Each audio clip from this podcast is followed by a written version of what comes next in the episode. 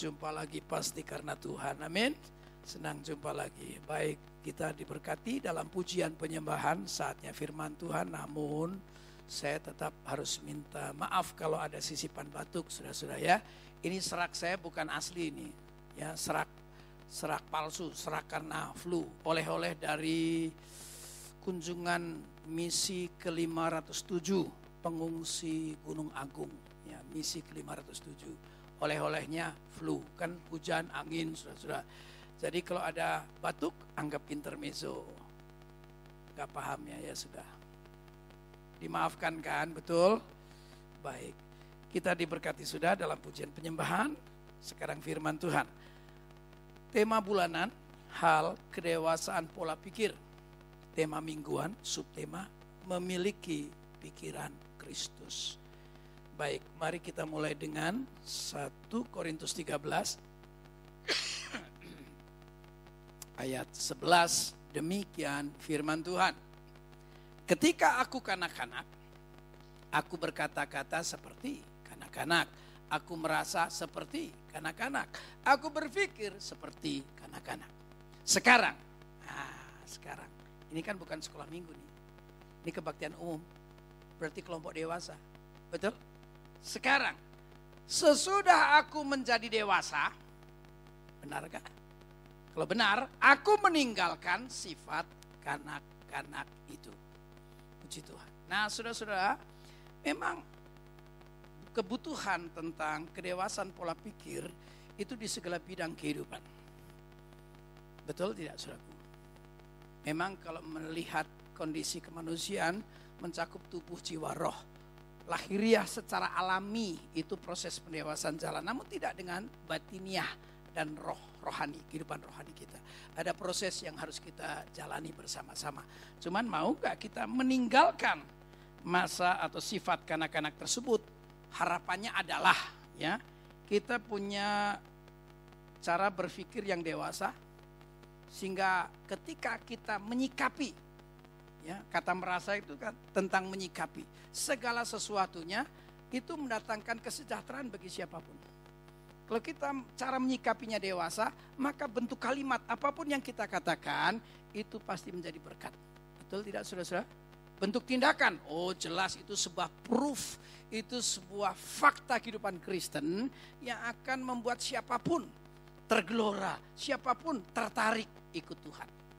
Nah, saudara-saudara, memang hal yang kita bicarakan memiliki pikiran Kristus sebenarnya ini tentang bagian yang kedua, ya bukan tubuh, bukan roh, tapi jiwa. Tubuh, jiwa, roh. Dalam jiwa seseorang kan ada tiga hal. Pikiran, perasaan, kehendak. Nah yang kita obrolin sekarang sudut pandangnya pikiran. Kapan sih kita bisa mengalami proses pendewasaan pikiran yang dalam bentuk tema itu dipahami ketika kita mencapai satu tingkat kehidupan di mana pikiran Kristus itu benar ada pada kita. Halo, Saudara-saudara berarti harus ada yang dinamakan transformasi pikiran. Harus ada yang dimaknai sebagai kudeta pikiran. Pikiran manusia harus ditumbangkan, pikiran Kristus ambil alih. Sebab kalau kita terus berpikir dengan cara kemanusiaan, akan terhambat karena manusia terbatas dalam segalanya. Amin, saudaraku. Nah, harap-harap kita semua menciptakan sebuah keadaan sehingga benar-benar terpicu untuk mencapai tingkat kedewasaan pola pikir ya sehingga benar-benar pikiran Kristus nyata dalam diri kita. Kapan sih dimulainya? Ketika kita haus dan lapar akan Tuhan dan firman-Nya. Karena ketika kita mulai haus dan lapar akan Tuhan dan firman, sebenarnya Tuhan dan firman itu satu kesatuan ya. Yohanes 1 betul tidak Saudaraku? Maka kuasa firman yang hebat itu bekerja semikian rupa dan memproses kehidupan kita untuk menjadi dewasa.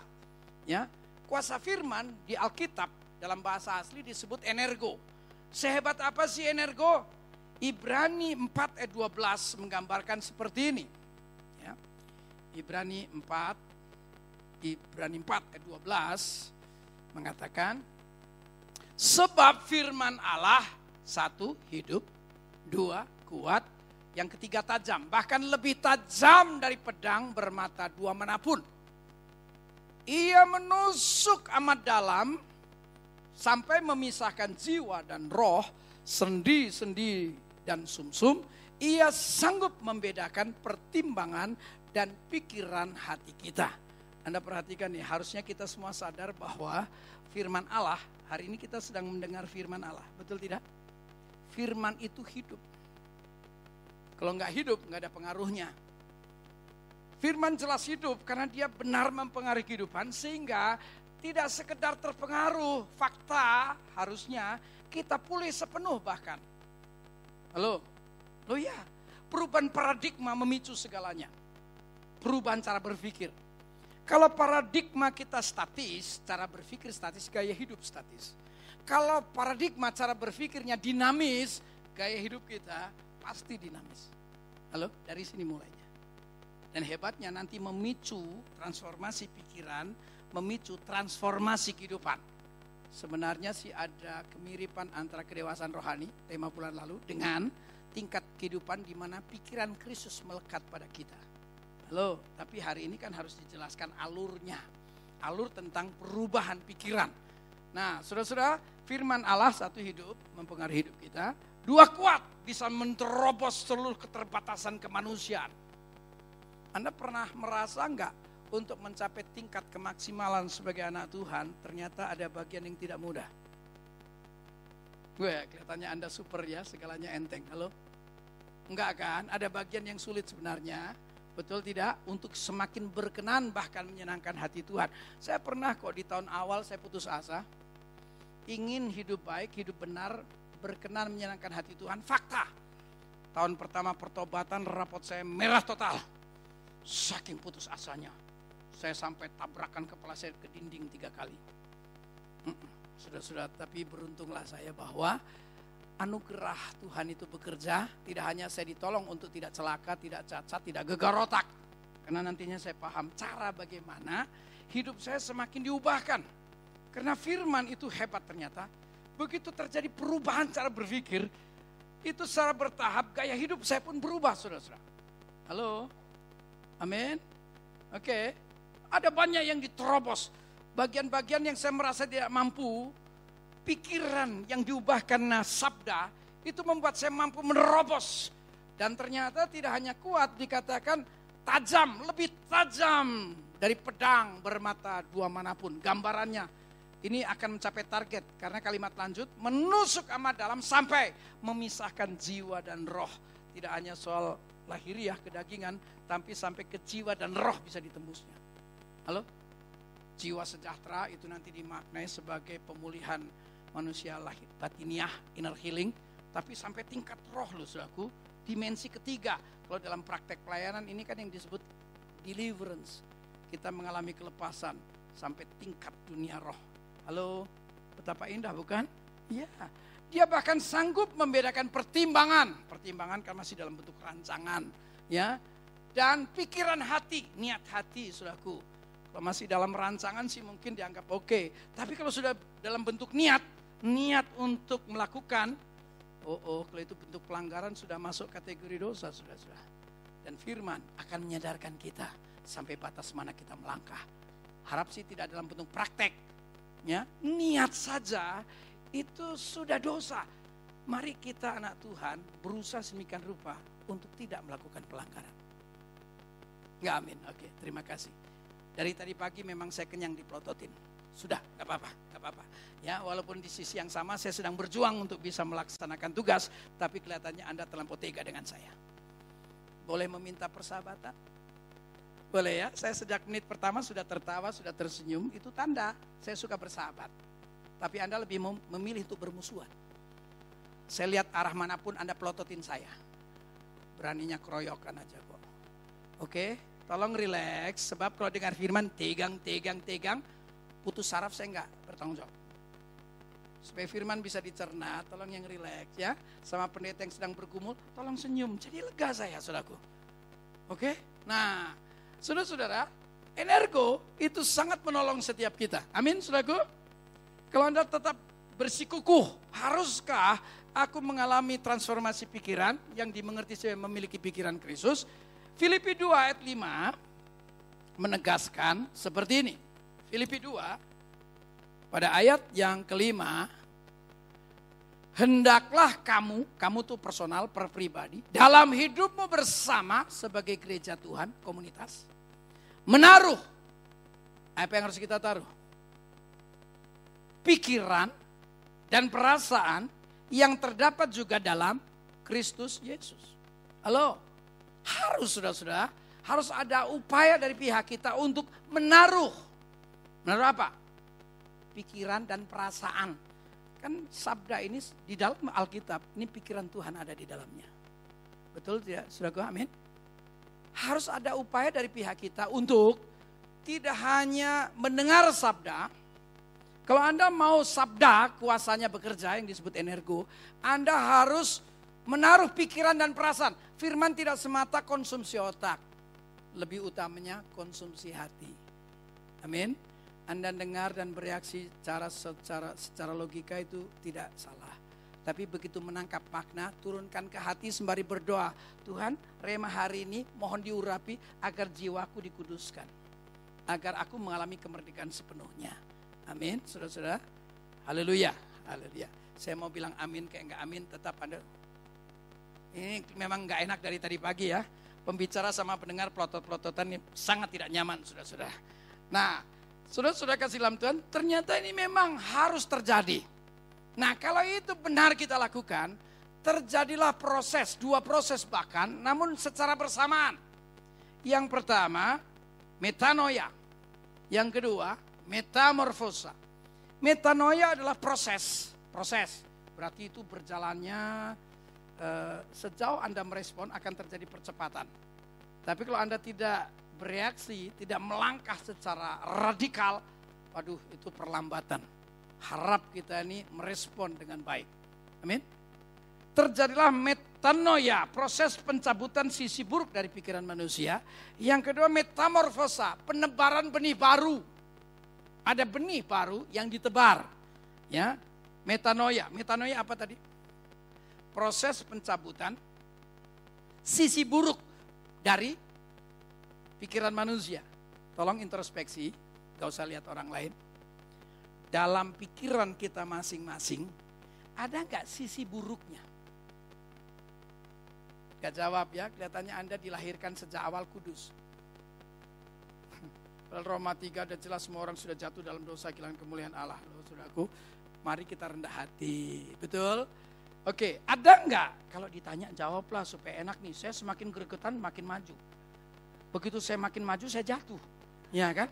Nah, kalau jatuh kan masuk dalam sejarah gereja Tasikmalaya. Muntu pelayanan dan jatuh dari mimbar. Ah, kan tidak enak saudaraku. Kalau pendeta sempat jatuh, jemaat nggak jadi bertobat. Betul enggak? Lo prosesnya kan pendeta khotbah, habis khotbah altar call, pendeta tumpang tangan, jemaat jatuh. Lo pendeta jatuh duluan. Heran betulan ini. Nah saudara-saudara jadi pikiran manusia. Ada gak sisi buruknya? Bahasa anak muda yang paling mudah ya. Ada bagian yang ngeres di otak manusia. Bahkan Alkitab mengajak kita untuk waspada. Jangan sampai tidak terjadi metanoia. Kenapa? Matius 15 ayat 19 nanti tambahkan 13 mengatakan begini. Karena dari hati timbul segala pikiran jahat. Coba lihat tuh. Apa saja sih? Pembunuhan, perzinahan, percabulan, pencurian, sumpah palsu, dan hujat. Ya. Makanya 13-nya pun menegaskan begini. Jawab Yesus, setiap tanaman yang tidak ditanam oleh Bapakku yang di sorga akan dicabut dengan akar-akarnya, saudara-saudara. Halo, semua tanaman yang bukan dari kerajaan, kerajaan dari tempat yang maha tinggi harus dicabut harus di metanoia. Setuju? Iya. Jadi kalau dengar firman ha, harusnya nih kalau Anda merespon dengan baik terjadi metanoia sesuai dengan tema hari itu. Ya. Jadi bagian yang buruk kecabut. Dengar firman lagi kalau Anda benar merespon kecabut sesuai dengan temanya. Begitu seterusnya. Untung itu terjadinya bersama dengan metamorfosa. Kalau terus terjadi pencabutan tanpa Proses yang kedua, takutnya terjadi kekosongan. Betul nggak? Kalau otak manusia yang sudah terekam dari masa kanak bahkan sampai ke masa sekarang, ini dicabut-cabutin, kan imajinasi, kita akan bilang, wow, kalau terus dicabut kosong dong.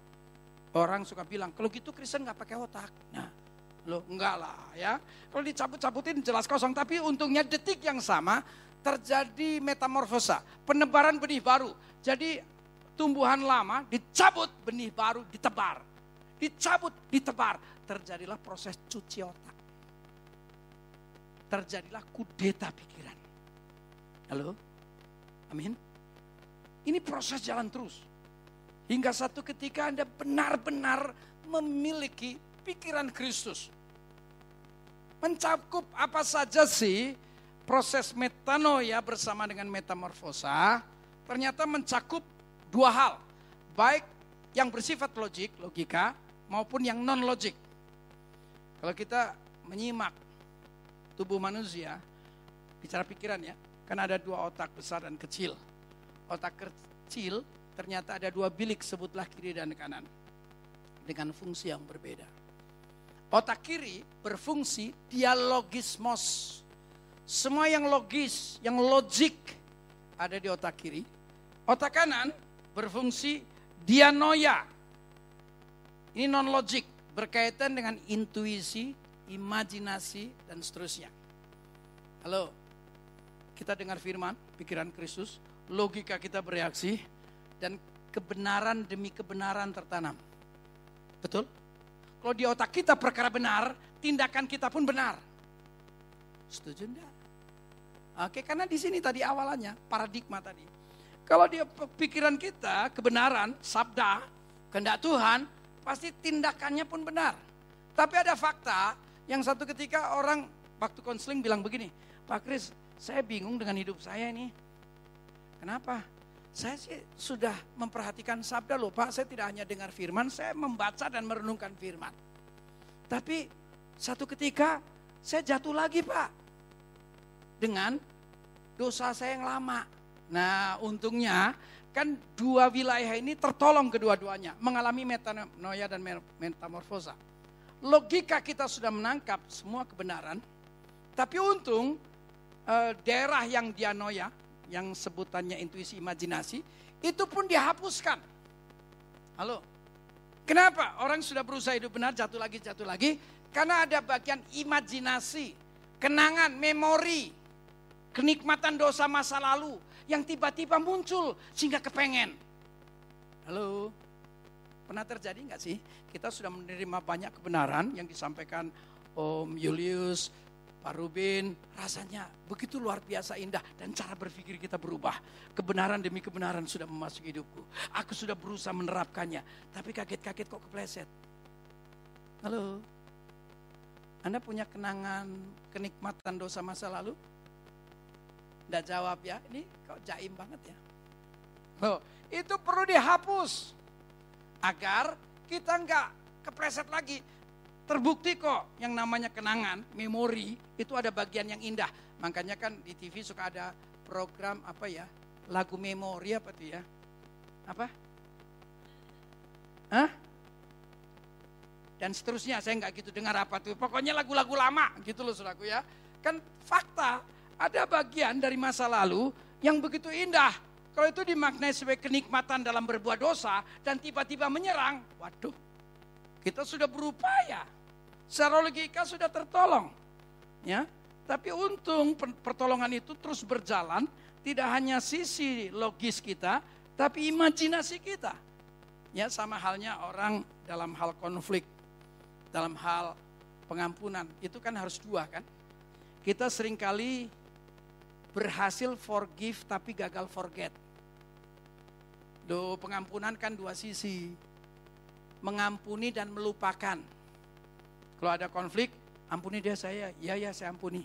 Toto ada pemicu lagi. Memang dari dulu lu ya, dari tahun lalu loh, 10 tahun lalu bahkan.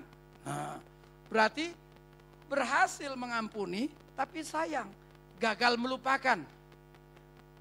Untung cara dua proses ini bekerja menolong kedua-duanya baik metamorfosa, metanoia dan metamorfosa, membuat logika menangkap kebenaran, tapi semua kenangan masa lalu yang melanggar pun dihapusnya.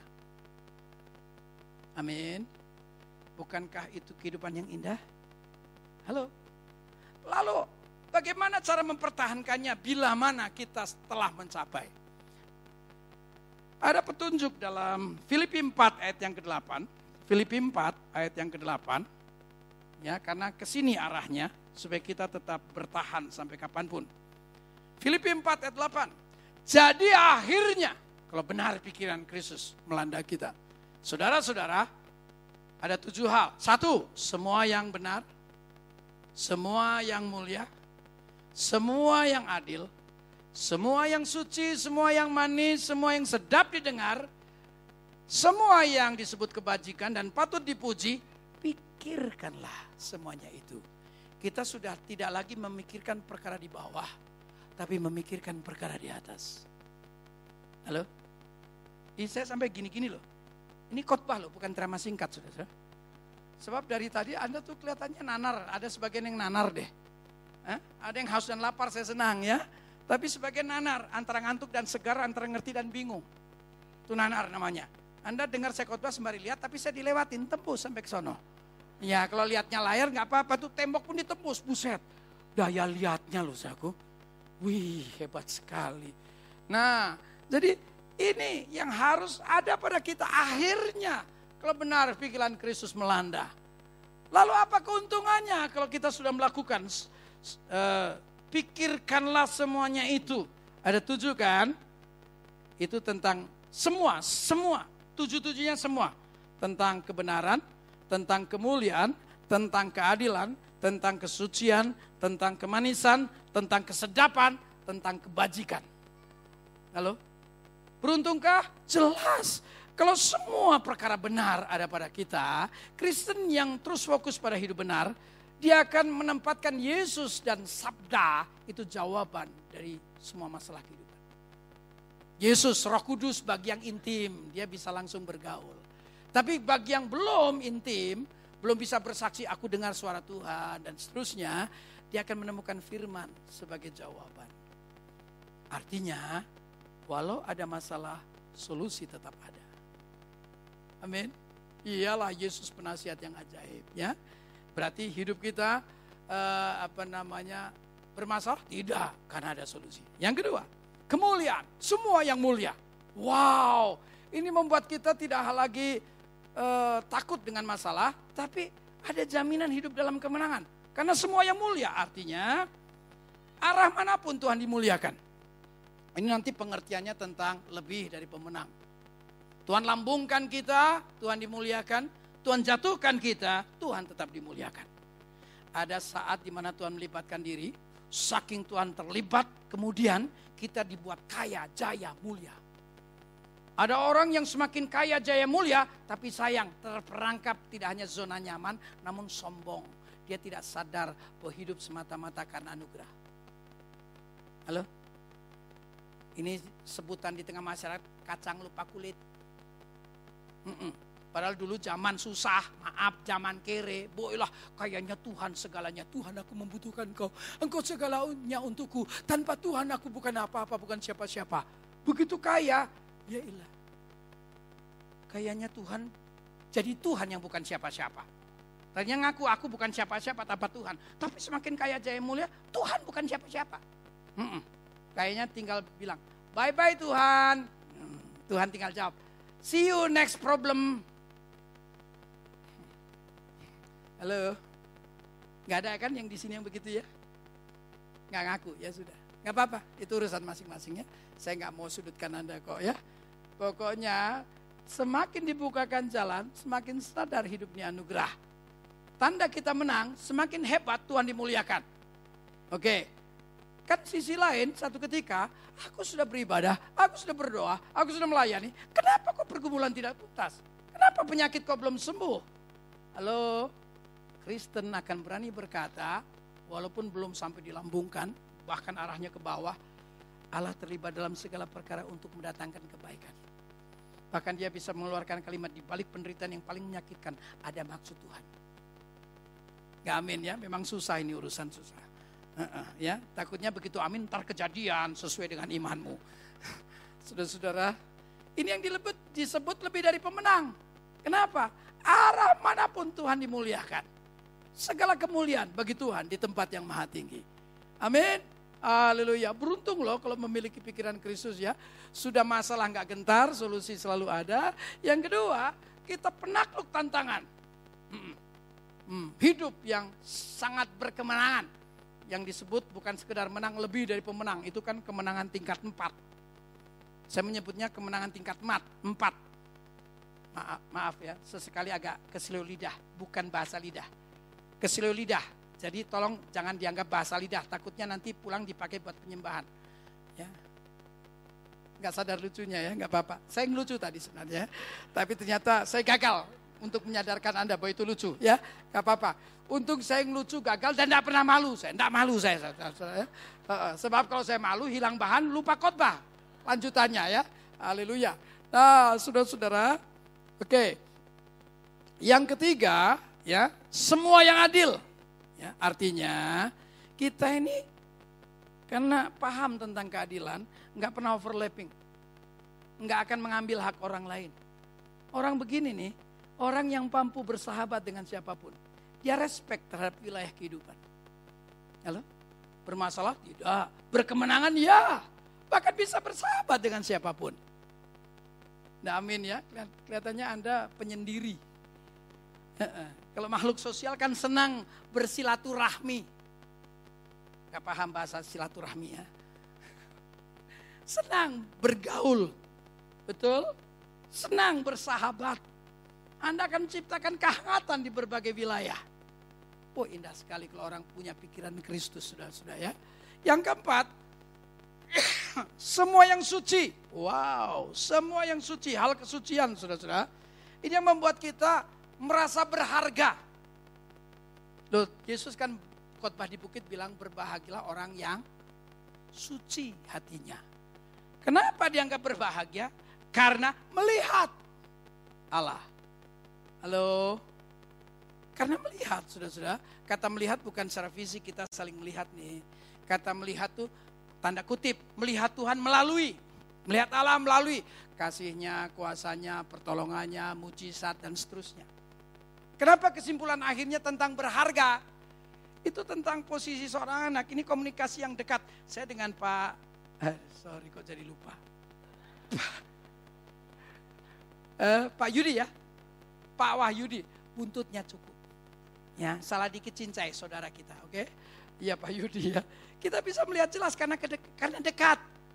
Ya, yang di ujung sana, walau kenal, saya kadang nggak tahu persis apa ya. Halo, ini soal kedekatan, saudaraku. Ya, semoga kita seorang yang memang dekat dengan Allah. Amin. Sehingga mampu melihat. Kalau nanti kesimpulannya tentang kesadaran e, berharga, ya, saya dalam bentuk kesaksian saja. Maaf sebelum bersaksi minum dulu. Boleh kan? Boleh nggak boleh jatah saya.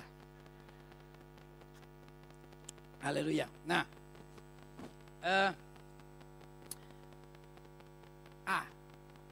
Bulan lalu saya ada tugas di Cirebon. Di Eklesia, di Gedung Gracia. Ada yang tahu Cirebon nggak tuh? Ada gedung ibadah yang dipimpin Ibu Nani. Ya. Wih, Anda kelihatannya fanatik Tasik Malaya ya, sampai Cirebon nggak paham ya. ya nggak apa-apa ya. Artinya nggak ke mana-mana ya. Judulnya melas gitu aja. Halo? Oke, okay eh, saya sempat karena bertahun-tahun kan pelayanan di sana, biasanya ditaruh di hotel tengah kota. Kali itu kami mengajukan usulan, mau usul, moga di berkenan. Saya nggak tidur di hotel tengah kota, tapi yang di gunung, di daerah Kuningan, supaya saya menghirup udara segar. Maklum orang Jakarta polusi, polusinya kenceng Ya, kalau di Kuningan, Kuningan tahu kan? Kalau Jakarta Cipanas ya, kalau Bandung tuh mana tuh Lembang, Puncak, Puncak. Iyalah gitulah. Oke, terus diizinkan saudara-saudara. Oke, di Gerage Kuningan. Oke. Nah, jadi waktu keluar tol nggak ke kota, tapi ke arah gunung, ke arah sana Kuningan. Nah, di pinggir jalan banyak pedagang nangka, buah nangka. Kami berdua penggemar buah nangka. mampir, ternyata kualitas jelek. Dari jauh sih kuningnya kelihatan menarik, begitu didekatin, wah jelek ah, nggak jadi. Padahal kepengen. Ya, nggak ngomong ke siapa pun nih. Terus menuju, nggak jadi beli terus ke hotel. Nah, kepengen kan, tapi nggak ngomong, ke, ke, kecuali kami berdua. Anda tahu, ketika kami menuju ke Gracia, malamnya ibadah, ya ampun, nangka KW satu yang dimasukkan ke mulut, wena ada di sana. Wena, bukan lagi enak, wena. Jawa Timur kan gitu kan, enak banget tuh, wena. Nunggu lama tuh, luama. Kalau kecapean tuh, cuape. Gitu ya, monyong, pelintir, muncrat. Itulah, itu caranya ya. Ternyata sudah ada. Langsung aku melihat Tuhan, Tuhan ya ampun, urusan nongko perkara kecil aja ikut-ikutan Tuhan. Nah, ya kan? Satu ya kan? Nah, ketika sore itu menuju, tadi kan udah langsung cerita di Eklesia. Ketika kami menuju ke Eklesia, ibadah, itu di pinggir jalan, eh, di arah kota, itu sedang musim mangga gedong. Tahukah? Bukan gadong, mangga, mangga gedong. Yang cara makannya tuh dipencet-pencet sampai gembur, ujungnya dibolongin, itu sedot. Kayak bayi raksasa. Itu kesukaan istri saya, saudaraku ya. Dia seneng banget. Nah, ada usulan berhenti, saya bilang, ah ntar aja pulang pelayanan. Kita mau pelayanan, gak usah mikir-mikir. Kalau tadi kan mau menuju ke hotel, berhenti. Ini mau pelayanan, udah nanti aja. Ini kan musim nanti pulangnya baru beli. Tahu-tahu waktu pulang dari pelayanan eklesia, pengurusnya bilang gini, Pak Kris mau titip oleh-oleh. Oh ya? Oleh-oleh mangga. Wow, dua dus. Yang diangkat berat kisaran 50 kilo kali dua, 100 kilo. Ya ampun, untung tidak beli. Ini bukan oleh-oleh, kulaan. You know kulaan? Ya ampun, oleh-oleh kok dua dus, saudara-saudara laki-laki Tuhan, Tuhan, tadi nangka ikut-ikutan. Ini kok isa-isanya loh. Halo? Mangga, laki-laki aku melihat Tuhan. Ngerti gak sih? Eh, semoga ngerti ya. Oh, oh, semoga ngerti ya. Ada sebagian tetap berpikir keras namun tidak ada kesimpulan.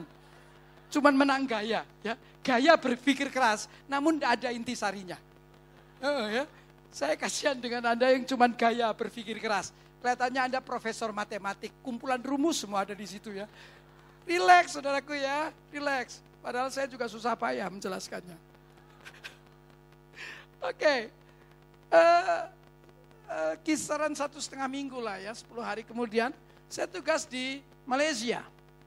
Kinabalu, Keke, Keningau, Kudat, Tawau. Nah, eh kejadian lagi. Tadi cerita di ruang makan. Di di Malaysia itu ada pedagang jagung bakar dibakar sakulit kulite. Hmm, saya batin, kok aneh ya di negeriku kok ndak ada ya jagung bakar dibakar sakulit kulite. Aku batin, you know batin? Batin tahu? Sedulure Mbak Nur dan Mbak-mbak yang lain, sudah-sudah. Ya apa rasanya? Bagaimana tuh rasa ya? Ya saudara-saudara, Batin loh saya ini. Eh pelayanan dari Keke menuju ke Keningau, satu ketika salah jalan sampai 12 kilo. Kita sadar salah jalan gara-gara bertanya, nyasar 12 kilo. Di tempat itulah jagung bakar. Ya ilah Tuhan, aku rak kondo ya Tuhan. Kok terkabul loh you know, rakondo. Saya memang senang ya, suka mem memunculkan bahasa-bahasa Yunani ya, bahasa asing ya. Supaya saya kelihatan pandai, ya jadi bisa ya ngikutin lah Pak Rubin yang dokter itu ya. Ya, Pak Rubin kan S3, saya S Lilin, saya kan coba ngikutin. Ya. Nah, saudara-saudara, loh kok bisa pakai nyasar 12 kilo demi kepinginan saya terkabul. Wah, luar biasa loh tak buka tidak ada yang gosong. Enak lagi. Waduh, saya sembari makan enak, nyeletuk sekalian. Wah enak ya, jagung Malaysia. Eh, durian Malaysia ya enak. Saya bilang gitu kan. Terus di komentar, tidak musim pak. Kalau musim sih, tidak musim katanya. Tidak ada durian, tidak musim katanya. Ya sudah, tidak musim. Tahu-tahu waktu menuju ke Tawau, ada petani duren yang baru metik taruh pinggir jalan. Loh ada. Loh kok ada ya Pak ya? Empat kali suraku. Perkara kecil. Anda kebayang nggak kalau punya teman di sekitar Anda, bukan di saat hari raya ulang tahun misalnya, harian nih, banyak perkara kecil yang kita abaikan, tapi teman kita segitu tahunya. Perkara kecil dia sering kali melibatkan diri. Apa yang Anda rasa? Bisa jadi Anda akan bilang, ya ampun, kamu kok bisa ngerti sih perkara sepele begini dan kau lakukan terus-terusan? Segitu pentingkah aku untukmu? Jailah. Segitu pentingkah aku untukmu? Gak paham ya? Gak paham. Tuhan kok bisa lo terlibat. Urusan nongko, monggo, ben OKP. Nangka, mangga, jagung, duren. Cuma dalam rentetan waktu singkat itu loh, bisa-bisanya loh. Aku disadarkan Tuhan, ya ampun Tuhan. Perkara kecil Tuhan melok ya. Ikut-ikutan. Aku sadar aku berharga. Tahu kuncinya? Apa akibatnya? Semua yang dianggap berharga selalu dijaga. Betul? Kenapa ada Kristen yang suka membuang dirinya ke tong sampah? Karena dia gagal sadar dirinya berharga. Apa sih tong sampah? Dugem, narkoba, free sex. Anda bawa arah, Anda bawa hidupmu ke arah kerusakan. Kalau Anda sadar, berharga. Apa pun yang berharga, selalu dijaga. Aku akan jaga hidupku. Selaras dengan sabda, pikiran Tuhan. Aku ingin senangkan hati Tuhan. Cuman 10% amin. Selebihnya aman, tidak apa-apa. Yang amin, aminlah itu anugerah. Ya, yang nggak mau amin, musibah. Apa? Firman terus diberitakan menengai. Anda mikir lain, konsepnya beda. Beda kitab kelihatannya. Halo? Kita kitabnya sama nih, pikiran Tuhan ada di sini. Amin. Nah itu dia ya. Bermasalah enggak? Perkemenangan ya lebih dari pemenang. Bersahabat, uh, berharga yang keempat. Wow. Nih contoh nih. Nih cincin saya anggap berharga. Kenapa? Tak copot. Di dalam ada nama istri. Ini ada istri saya datang nih. Saya salah khotbah, berantem nanti di hotel. Opo berharga, berharga. Aku disia-sia aja kok. Halo. Saudara-saudara, ini kok cabut ada nama istri. Kenapa berharga? Ini yang kena lampu kelap-kelip asli loh. Yang kuning juga asli. Kalau ini imitasi, tak taruh. Pak, nih hilang gimana? Imitasi, tuku 100 bisa. Loh asli, mahal. Apalagi dapatnya zaman susah. Zaman gak ono duit, nah dong hepeng. Setulurku bilang gak ono duit itu, nah dong hepeng. Gak ada duitnya saudara-saudara. Iya, haleluya. Berharga, oke? Okay? Dijaga, betul? Sembari tanya, hei istri, suamimu berharga enggak? Enggak jawab ya, ini kamu muda semua ya, heran. Antara kaum muda ya sama kumpulan orang terluka sehingga susah mengaminkannya. Eh hey, istri, suami berharga, jaga di luar rumah banyak kuntilanak. Hmm, nggak cuma kuntilanak, bobrek, sambomboy sisan. Hmm.